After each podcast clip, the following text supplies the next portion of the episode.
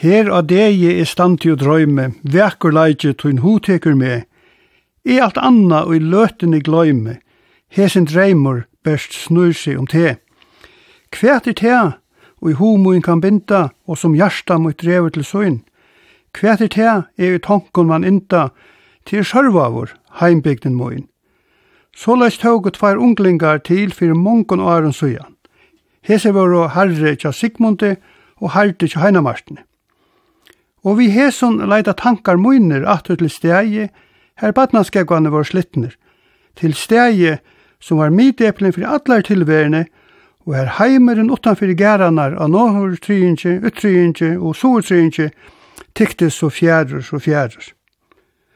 Hunaligar og løtunar, ta songurinn ljóma i klassanon, og ta falli tunnlod, er halda nødabøgjene, medan ståre lærare mestarliga Lat fingrarna gänga etter strøngenon og vi lattar i hånd flutte vi linboan atro fram. Og gløymande løtrunar og i besta sommarvegre ta orstagæren til Idianes gjør det skolastovan. Her det det, vi eine blom og fire og ærar etter, åpna en nudjan heim fyrir okkon og fekk okkon a skoa undrunni i skapanaversen. Ta vær stuttlet a genge skola. Du skulde du i torv, ja, så fikk du frøy. Skulle du ha fjall, ja, så fekst du frui. Og ikkje gløyma hverja fyrir ta frattest er flikkvaren arskaist, så finko all frui. Og alle skolen tuste nian av flåvøtlen er suttja vi egnon eion hentan ivervaksna fuglen og i kalla av vær ein Katalina. Og ikkje gløyma ta sørvingar og ein vestanstevn og høvet til å smodja seg inn i luknande fugl og i heila 20 minutter er sveima og suttja bygdina og landi ur erva. Kostnaur fyrir hetta var 40 kroner.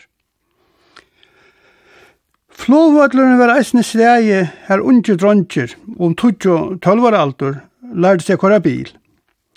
Hefur ongar foringar og tog kundi utan trupleikar køyra spytarn bort. botn. Tu hefur vittelvedja og ongen vante fyrir kora køyra tev. F.E. Tutsjo, ein Austin Morris, kjeptur fra Høgnesens månen i Klagsvøk, fekk seg menga rundan av flåvøtlen, utan til å færa flå.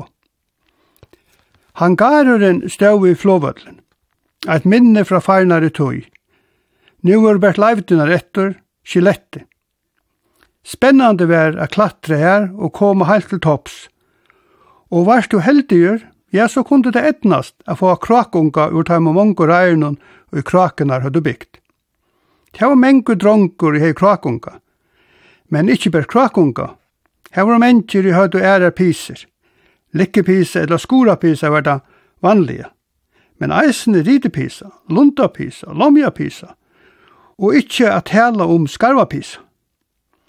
Hvor man ikkje minnast tem og skarvana kja villa. Hesin tem og skarvor i fylltjån av li og heim i skola, og boja i etter honom til skoladav var låtjen. Eisen var det flere i høyde raun, og fink han teman. Einar fyrir høyde nekri smadronger arka ein teman raun vi en staurar i Henry Wintermann sigar. Og så hendte det som ikkje måtte henta. Raunoren tåg sigaren og svöldi han. Hetta leib ötta okkon, tog vi høyde alltid hårst, hos vanda mykje til å være svølja nikotin. Så skulle Luivi av raunen og bjargast, var bert lagt at gjøre, at få han som sjåtast av spudja. Men hvordan i verden skulle vi få han av spudja? Jo, vi visste hvordan det var å få svap i munnen. Så vi tog raunen og sprant og oppvaskis svap ned i han. Og boja oss i spenningen at han får av spudja. Men det eneste vi fikk bort ur hesson var at raunen gjør det strill i ørvid, for å vinkla og leie seg kjærflætan av bøtjen. Men lukket høy, så iverlevde rauneren, og blei loika birkur som han avur hei ver.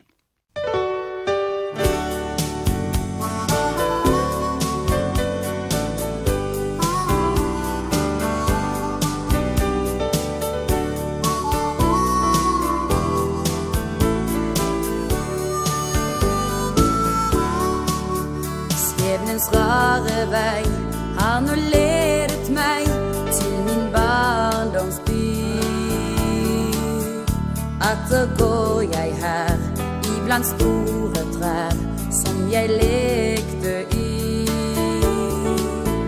Hagen er forfalt, ugress overalt Hvor her før var sti. I mitt barndoms, i mitt barndoms paradis Sørvags rækistova gjørdes av gauon grunden en større parster av tilver munar.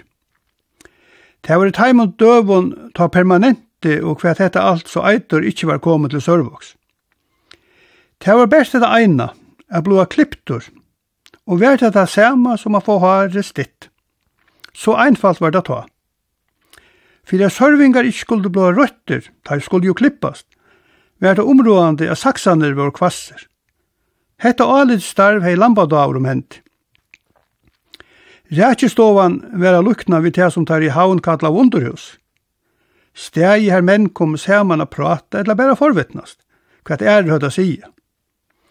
Sommer var stamgjester. Her var lofta Jesar, Nikolai, Hensar, Uysak, Sommer, Toppepetur, Jesar i boende, Fritz og Kjeldeliase, best fyrir a nevna nekrar. Men gar erar forvetensligar vidjane våra harfrukanar og rettstående eisen. Ein hasumar der i tvei trus vidja i ein amerikanare og fekk hare snøkka. Hesen seist da vera heimsens langste mævur. Navn hans er var Frank Willocks, vi middelnavn Shorty. Han var 2 meter og 20 til hattar og 8 av Colorado. Han ferais kring odjanar, sang og spaldi på gittar. Og i takkar skrivet til pappa derfest 12. juli 1922 sier han mittel anna. Many thanks for the clipping job on the head of this long man. It was my first and best job done in a long time. I shall look forward to seeing you again next trip to the Faroe Islands. Jeg er ikke vitande om at han nekrande kom atter til fyrir. Eisne vidtjai i navn frema kjempan Ursus, då han i 50 åren var i fyrjun og feres kring odjanar og vuste sina meg. Politikkur. Jo sannelig er var politikkur i Sørvai. Politikkur er at du gamla slænon, ta en sambandsmæv var en sambandsmæv og kjøvalsmæv var en kjøvalsmæv. Jeg er at du såsta nesten av gongelænon etla kladnadraktene, etla kussus er såstuta av flaggståndjene. Her Dannebrog var lofte, her visste du eisne er sambandshjarta var innanvedja. Ta var politiker funder, dansestovan så stikkvande fotl, og ikkje bert her som møtte åre fra roarpadlun tåsa. Nei, bildjina ginko hoar mittel åhøyreinar. Ja, tog munde menn fer til hentors. Men minnes eina fer at tjóasmæver var færin av vidtjó i husun han var venner genka. Han er ikkje meir sett seg, så byrja han agitera og arbeid på den gamla som sett og at.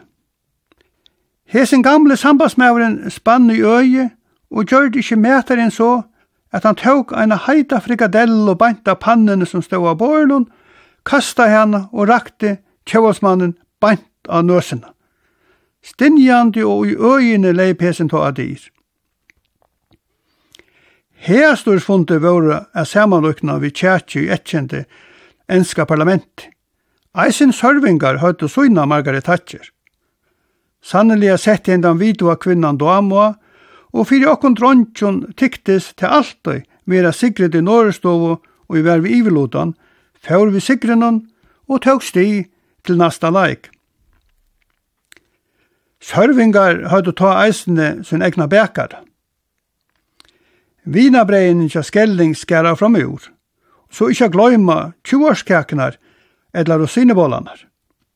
Tan som einafer hei nåte smatchen av tog som komi vær ur hånd skellings, han gav seg ikkje færum til som te i det kalla kalorier og var det faste tottur som mongon om kvöldanar, særliga, a saunast i bekaruinen til skellinje, og her njauta et vinabrestitje som var skåla nyer ved en sodavatt. Så trånglet var mengan, at folk kom a kjeipa brei og anna til husarhaldi ikkje slopp inn. Ta kon til hesen annars vinsame mevor, og ja sånn og luktestøynun rødt om bekara, gjerra barst og rekokken allara dyr handlar vår nekver, og høyt og tar mengan sina første kundar. Her var handlen i Norestovo, handlen kja Francisco, kja Jegvan i Nudjistovo, kja Jarvild, kja Nils, kja Bistelso, kja Tetor, kja Hugo, best fyrir nevna neklar. Ikkje gløyma Pollastovo, her menn om kvöldanar kom saman og lena oss i oppe at husavetsjene. Fyrir okkon dronjon sa det ut som heser kvöld etter kvöld stia og polla stå for at hun ikke skulle fære om kål. Bøkhandlen eier ikke vera gløymtur. Innan disken stod dio i grævthusnån. Han som skaffa i okkom visselever, blodjantar, skrivebøker og så mengt mengt anna. Dia som pladde at tale med kjønshusnån, sier mengan, en ver her sitt, stort eller litt. Skant fra bøkhandelen la henne gøslige løvan, hundren tja bittlig Edvard, fløy. Det var moner og hånden, og så bulldodgen om de fyne ur havn platt hava vissar, ta de vidja og, og i norstå. Hesen tyktist alltid av i øyen, og verta en sånn fragt til okkons matronjon at arka og få hana godja og visa tenn. Vi stod jo utanfyr gæren, så det var leamann. Ta fløy døye, var ta mong i sirtu. Tu var sendra kjeipa, eit pund av mjøl, eit pund av sukere, 100 gram av te, ta sem av kaffe, 2 pund av kottene, 2 pund av mais, og hver kjørte så gikk man og nukki stå. Jo, han før i eina skuff og fire og ære etter. Kårde vi skai og papurspåsan, via i vørna og handtajan i vidisken. Skulle du heva nekka av petroleum, så får han ivi til pumpena, hala i nekra fyrir i håndtetje, og dunkene var fullur. Goldi var kontant. Det var ikkje ovanligt å få oppa borg, og mengt at huskje mundu å vera som fekk vøru i bøyte vi kipstrøtjer. Pa fikk du eise nekka av vøru fyrir skinnene og enda fyrir vilene. Hei tusen smadrongur er 25 øyra, edla ena krono, ja, så kjente du til som en annan onkel Joakim, tog dadlenar, etla suge kante til feks fri hendan pening, det var ikkje småveis. At mais og kotten blei kjept, komst av at flere høner enn sørvingar var i bygden. Ja, det måtte være få husarhalt som ikkje hadde høner. Og nu vid er i djøraverne skulle ikkje dunnerna gløymast. Ringt var mengan halda kila for åtti allar dunnar som lå og skvattla vi ånden. Og i kurset så er, vær det en fragt til okkon dronjon orla måttene a leit etter dunnekon. Men luite batte til okkon som bo og overle i bygdene. Tøy tøy vid eina for komo, hei ein og i bo nierleia i bygdene langt veri her framan undan, og det tyktist at han var så grammor at han krosti edgen ur dunnan.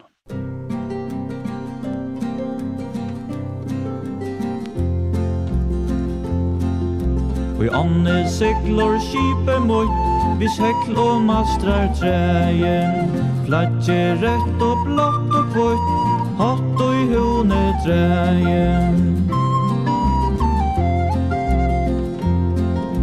Læje ui ta år sand Eir og småar steinar. Sekle ut ui anna land Letje leier beinar. Her som solen kvinne klätt Og kvater fåglar synja Baltor sprajen kruier plätt, blå klokkorna rinja Færa vit så lenkan vi, at hinon og arbakka Siklingen hon møyer med, ta solen fer at lakka. Ikki var det bert undinar, og i trivest vel i ånd. Her bygde vi okkar egna heim. Fenga av åtlar og søyl. spaldu vi batar og skip. Bygde okkar egna kajir og veier, utan hjelp fra nøkron landsverkfrøynsk. Og vi kjente okkar som herrar av heimsøvun, ta i aina var så staurar, er siklas kunde vi flæka åman og nian. Jo, aina boar, kyrstjøyen og aina staura, kongsils aina, gjørte oss mennande karmer om tilver okkar. Det var eisni her, langer oppe, at svimjehiluren vær. Her vid om somranar bøltra av okkon som kaupor og kalda sjøvnen. Det var eisen teir som avhaldane svom og etter at kæven var lakstur og uysur leist av hilen. Det var ikke alle var så glede i det svimja, heller ikke om sommar. Vattnet var jo kaldt, Så onkel kom ikkje langer enn å få ståre ta under, og i besta før annan øklagnod. Ta kunde læraren ildslige spyrja, si mer, reis du vatt? Næminger vært å sjødra sværa. Nei, jeg drakk en kopp av kaldum vatten i morgon, så jeg reist ikkje vatt. Stunder var ikkje færa heim a få sær at etta, og høyde vi tog de første støyene færa til a bytta brei. Miskais i bygdene var hetta tja herra tja Elso og Valda. Eit vått breistikki vi sugrubja, merja i okon atter af fer oman i onna etla oman av plenen a spela. A sløtja tostan fingi vi den koppa vattne, etla ta velbær og en koppa mjölk. Valdi seg alltid, Jesus vil tjatikon og kikkitikon jo så vel. Om Valda og ånder visste vid, at dei trúlega gingo i kyrkju av møtt. Om hetta munte var vitjan av danskon troboara, her han saman vi føreskon troboaren og leikmånen, hei såkalla vesingarmøtt. Vi skilte ikkje rettleg hva hetta var for nekka, men mengt at heim kom a kjenna tøytningin av heson, og frier og glede kom og innanvetja. Mengur vittna i nu eisne, at hei vi trunni av Jesus at det finnes fri vi god.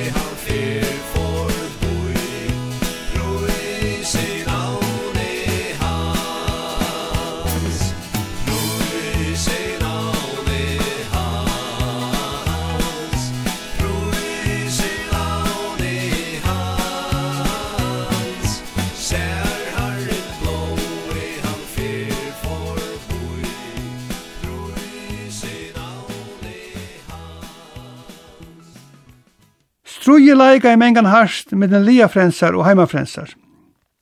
Vi svør i hånd ved færg i bardeia, og mannfadle var størst. Og ta i lia frensar høyde tapt, var det ikkje alltid så hoadet til en heimafrensar gjerra seg øren ut av bakka. Tu måtte snudja til fram vid gæren. Tu var ikkje nøy tryggur besta genga nere vei, tu i sniskyttarne er ovara vei, middelen husa etter atan fyrir onkra gær, var nekver. Og tar spart ikkje krut. Kulunar, gjørdar og run og mold, etter onkron herare, kom sendande, ta du minst vardet til.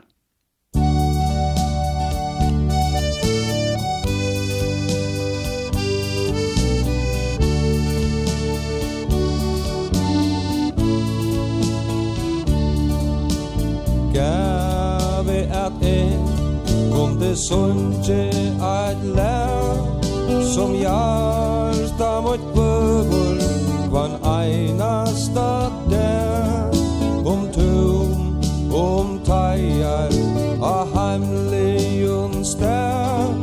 Her fløven fra hånden Som slept og er nær. Gave atur A sanden om stær. Ta sjau gengur nia Ui aier narvau Ta vite var loite Og verin var stau.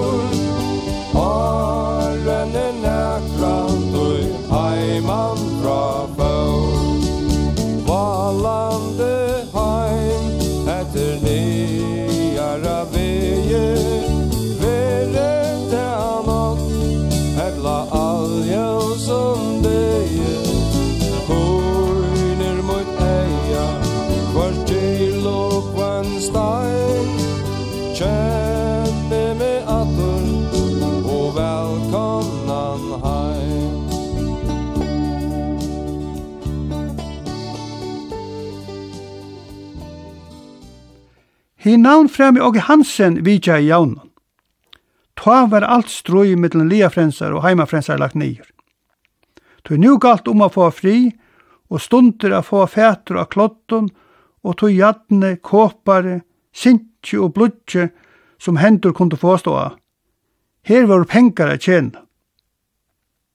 Ta var leit av uja.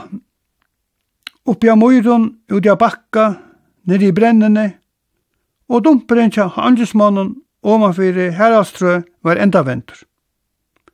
Kåle som her var funne var tidsi til hus a brenna, med jatten og tøylukt enda i tja Åke Hansen. Sumraner og gingo alt og kjøtt var tøyen da budjarsmenn gjørd innras i sørvai. Der skulle jo gjøgn sørva da færa skulle i torv. Ta tusen fikk løyve a vera sema ved heim når i brennane, kjente du det som ratta mann, og ikkje at tale om ta du slasta støyra hestavognen og ære drongjers til hog hugdu et. Ta kjente du det som rattan cowboy, som indianaren i hølen og spela i sted. Nå budjarsmenn vil han nevnter, kan skøyda så på i, er flere våre konunar og sjørvaje som om somranar var ute i bø og hjelpt og tid vi hodgjengene. Ta fall vi først og i mun lot at transportera mammo atter og fram vi kreitler knallerstene og kjept vær ur Klaksvik.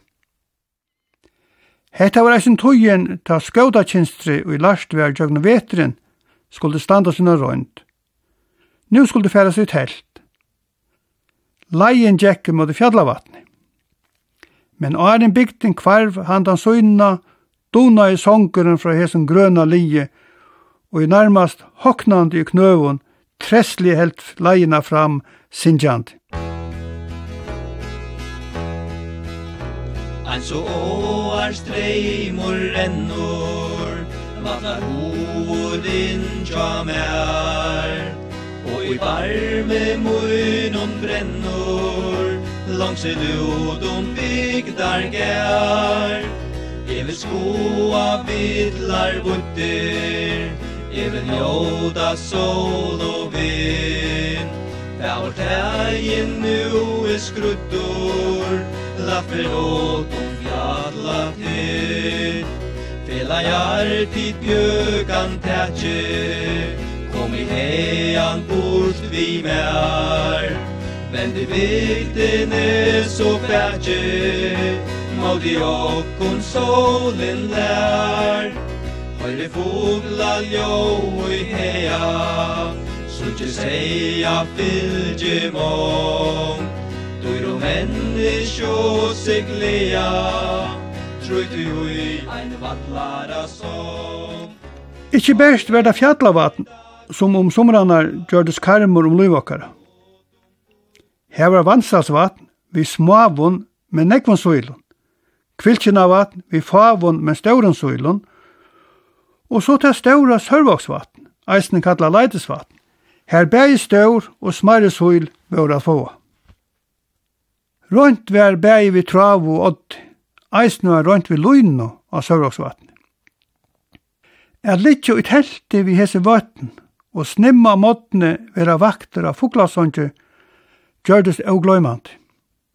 Antjen av kvirro og sælo festes i badna sinne.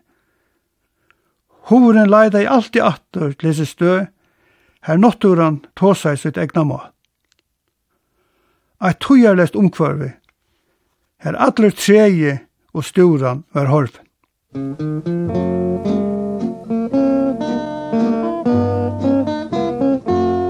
Som fåglar og fyrast om himmel og hev, av en lang så vidt fing og jag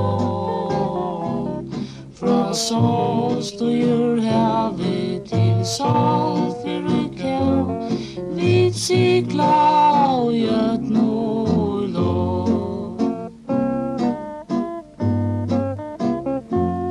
Vit sikla og gjestan her sol du gjør ro Og i vestan her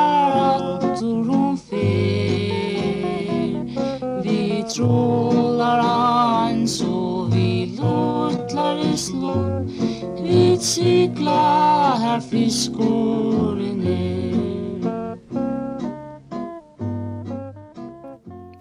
Henry Friman ved at Hutsjo var ein av sluppunum som fyrir 56 åren sujan gjørdi ein saltfiskatur under Russland. Alexander Orstund var skipar. Sluppunar var farne til Íslands av saltfiskavaiu og menn farne til Grønlands er jeg ut. A kvöldi 10. juli 1904 var silt utjøkna sørvaksjør. Og tjo eina best 14 år gamla sørvingi byrstus mengda kjensler i varme då han standande atri i hekkene så ljósene fra bygdene gjeras kamari og kamari for så han halta kvarva. Ta runnu honom, ta kinn.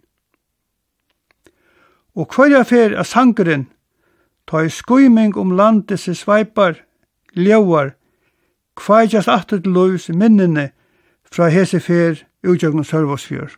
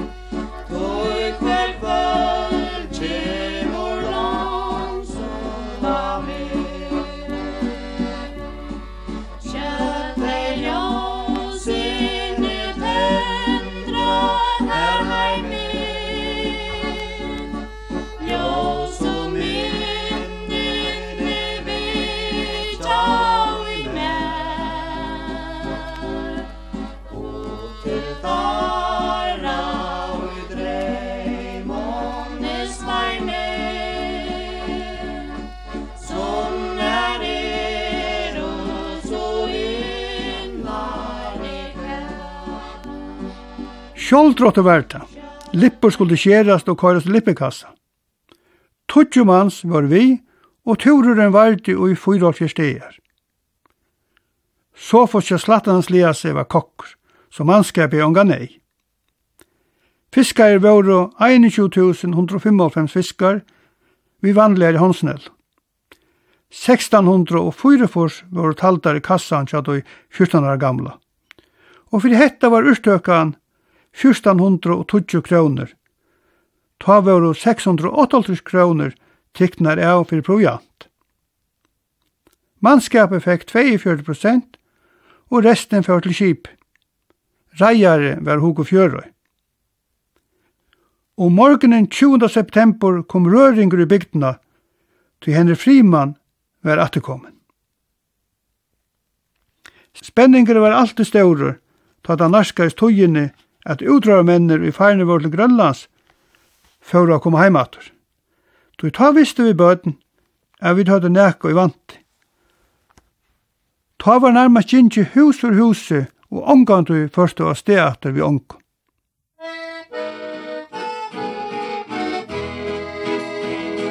Skutorna stenna er fyrir ut, kan er av sylda fengt. Råparen råpar om styrusru Heile til sprintje gengar Køyre så av motoren. Snåtøslig liskutan er våren sitter så kaos i er landoring. Lodje per snurrar en solaring. Kivaren vim gradar Brukar sex tantoradar Keren nu grattberger trossar Och gotntun och seta skjall Setan ver goveltar finkoi Og fintan faunar uipi Götnivne fimti tar sett ut tunnon vera knøype, er vøtta flest og gjeld. Hovalet vær ta sildaråkje vær på det besta, og danken lå lov fullfermtar vid Sørvågskai. Og kaifoden Peter Veie er i nøvmidja tekast vi. Ombudsmæren for norske tonnenar fra Tolløse Tønnefabrikk var jo Sørvingur, H.M. Niklasen sal så javna våre hesi iverlasta av skip i tøvmon tunnen er sudja vid Sørvokskai og setto sin seila dam av bygden. Trånglet vera kajøkjennom, ja, som sildu tunnu og arbeid til allar hendur. Fjallene var gynkjen, og vært hovedet av vera bien av fjall fyrir onkran og ikkje sjolvor megna i det langt. Som unglingi såleis a slepp upp i parst, kjente stimbrand, og gav tar henne gaua kjensl. Komin aftur av rattena gagna i sera vel, ein heidi drekkamunner og så brei vi kjerpekjøt. Ta fjalldæren var låtjen, varst og boin til døvra. Fløtt kjentes det, og vel smakka i. Fjolg løta, hentan, Jeg sitter inne kja murjegvane i Ulionno, og loje av til hese aldrande folk høyda sige om farnar deir. Fjörde kroner fekst du i håndena, ta leita var atter til husa. Hofløye kjente nælum ongi mørsk. Om fram til vanlige spølene, så tåg og imkje felaskaper etla klubbar seg opp. Ein av okkara kallais To Si Ha Pa An klubberen. Uppkallaver etter Torte, Sigure, Heralde, Paula og Andras. Hetta var ein og vi tók støy i Havragrunspakkanon, tog så kallaði åtaringina. Her vid var limer. Finget tog sendandi ur Danmark imest að klippe ut og anna og vi kunde nøytast til reklama fyrir Havragrun. Negvar plakater og klistermerk. Og i kjallaren hun var kipa for sjónleitje og filmsframvisan. Paddleren var en gommel divan. Framførslan som var til annar 12-15 minutter var öll improviser. Best omtøkte leikur var mævuren vi brinken. Hesen leikur sipa til en sørving som ei hova reipa og ta en gjørte til spent til han alltid brinkene fram ur seg. Kjallaren fullur av åskåren, og ta teppe forfra, gjørdes pinnastilt. Åskåren er sjøte som manual. Og man fyrir paddelen hekka et hestakjegv, kom jeg av ansøyren. Medan leikarne førte seg fram, og åskåren er hona hos her, hendte det øvantaja, at tjekve losna av naglanon, og fall bant nir i kryddlen til høvesleikarnon, som hoknande i knøvenen, leie seg kjærflatan av det vann. Ta var og askåren om a skrattna av latre, og fekk leikeren som veramann sera sera gav omtal. Kostnaden fyrir a hudja leiken vært 25 øyra, som anten kunde gjaldas kontant, eller vi karamellon, bombe eller sjokolade. Vi hittus nir i bygdene, eller ærastans i bygdene. Negg var spalt ute, bæja vetri og somri. Håperen fyrir tvær parstar, og så var klart til at kavakrutje byrja i. Hetta kunde gjeras drutt. Ta rådde om å vera arvætjen, sikta og være beinrætjen. Santa kvölde var så stafest hver hinn sigrande parstren var. Høglet vera skreia, fra Nordtringsgøren og atla vegen om man mot landsvegen kunne skreiast. Somleis etter landsvegen og heilt om man til brunna ved Kongsavsilen. Eisne var understø her duliga var skreitt. Onke var så heppen eia røversleto. Ein hei eina og gikk eubera kjøtt og fekk hun navnet Jetjæren. Eisne var sparskare nøtter. Stundum var så nekve kjave at det ikkje var køyrande mellom sørva og moa. Havar var nekver, og særlig var det havaner tja Evo og Francisco, som gjør det stegi her vid om kvöldanar fjalltåkon, klatra i trøvunnen, etla, fyrir jeg sier det som det er, fylte lommanar vi ber. Eisen var stunder til smave skolkabrøkt, og fink vid øy og vikommande, ja så var spelet vunnet. Ein nal vi nylontråi var sett i vindeia, og så var ein tundurproppur førtur attur og fram etter tråan. Hetta gav eit gnustande ljau inn i rúmenon, her nalen stau mellom Kitty og Ruten. Så var boja i spenningi til horen brast opp, og husbønden i øyne leipa dyr fyrir a få fætur at dem sekk. Minnist eina fyrir okkon smadrondjens stuttlige hending – Hette er veri om heste. Og i skuvingene kjemur kona gengan i brekkina. Hon var nekka tunga av seg.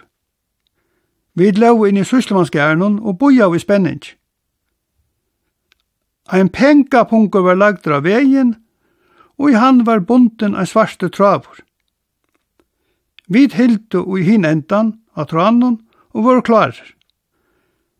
Nu hon narskast, fer hon eia punchen skimast rundan om seg, halar nyrdeilen næka opp, og fer spekla nyr i knø. Ta hon som skal teka i punchen, veru hala ui, og punkeren endar inni i gæren til sysselmannen. Ta ver hon ikkje bløy og sier, tikkara burskroppar. Me minnesteina min, det var løy til det ta, to fagrare min,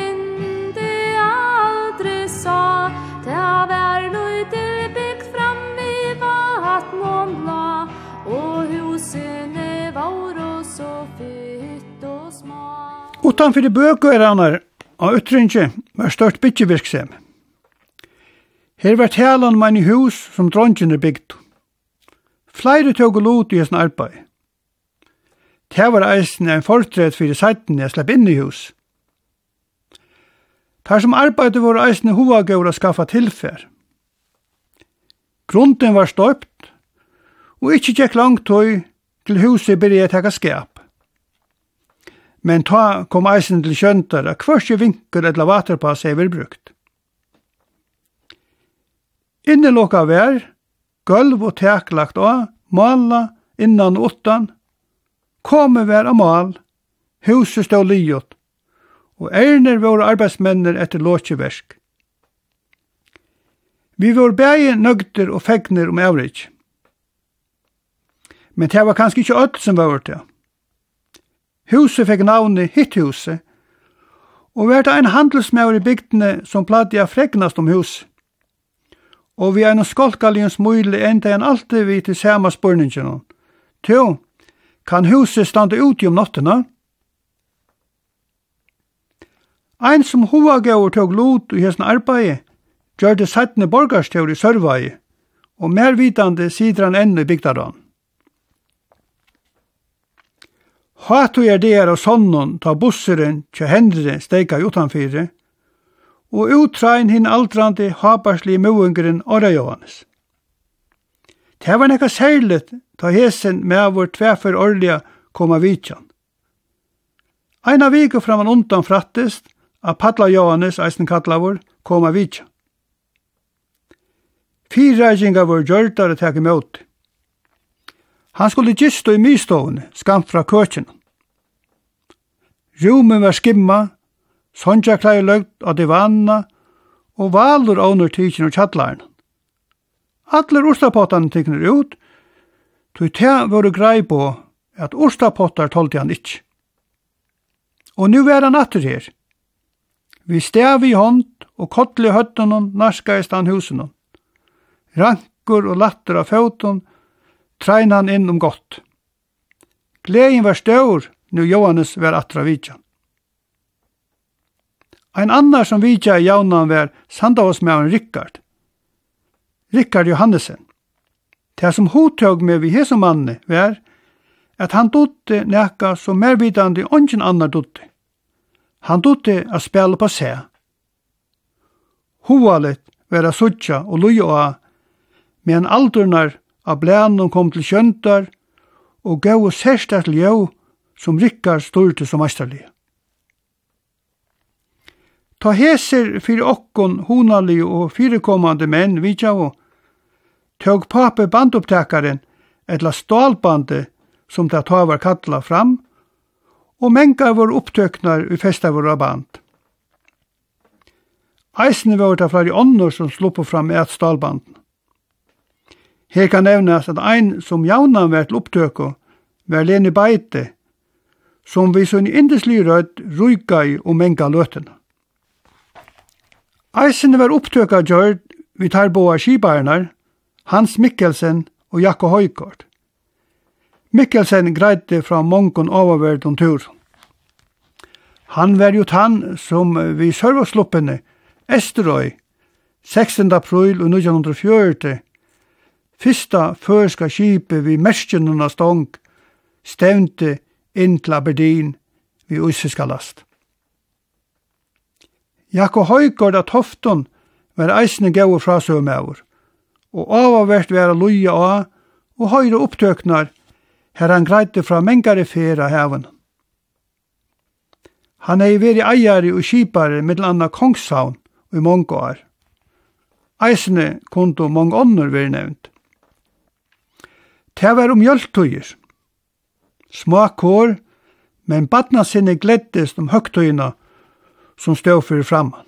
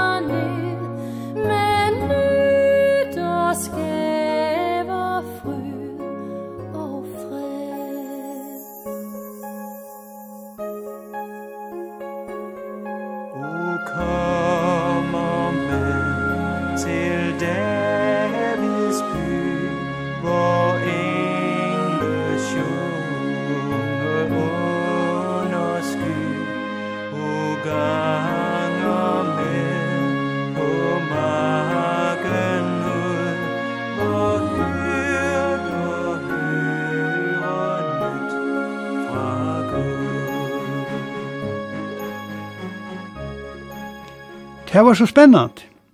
Mundet det for enderteka seg atru i år. Han bær brek vinner okkar og Isak. Hei troplaga vi at hosa og var haltur. Helst lattare heilaskater i samba vi føying. Iltmangel kanska. Han var en bygdamind, hesn Isak. Eisne kallaur preleren. Kvars kvöld vidtja jeg nok. Seie kanskje ikkje negv, men fyllte vel vi og visste alt som hendte i bygdene. Sanner husviner og trofaster som favor, gjør de ikke haltar i høden om ein. Jævla aftan og uthoren tjekk. Spenningeren øktest. Månde det være han? Det gjørdes kvist, og så før uthoren atter, og åttan hørdes fet. Horen til gongina var laten opp, Ongi mevr. Men mun sann, her av kommodene stod og tvær staure papurspåsar.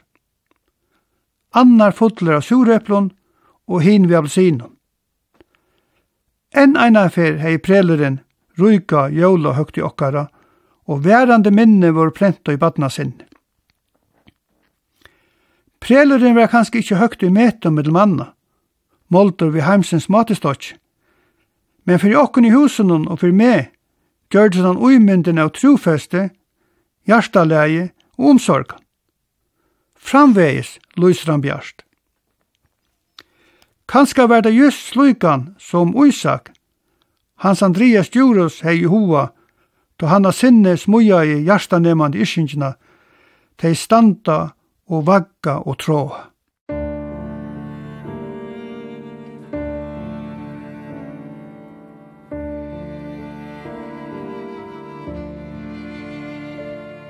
Tei standa og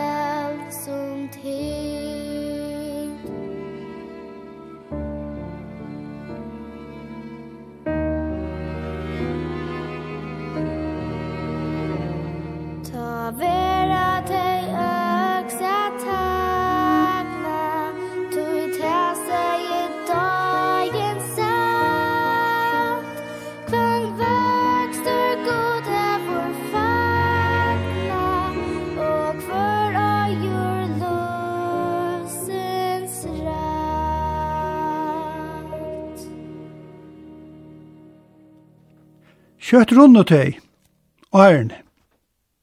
Ein færen tøy, stunder a stegge av.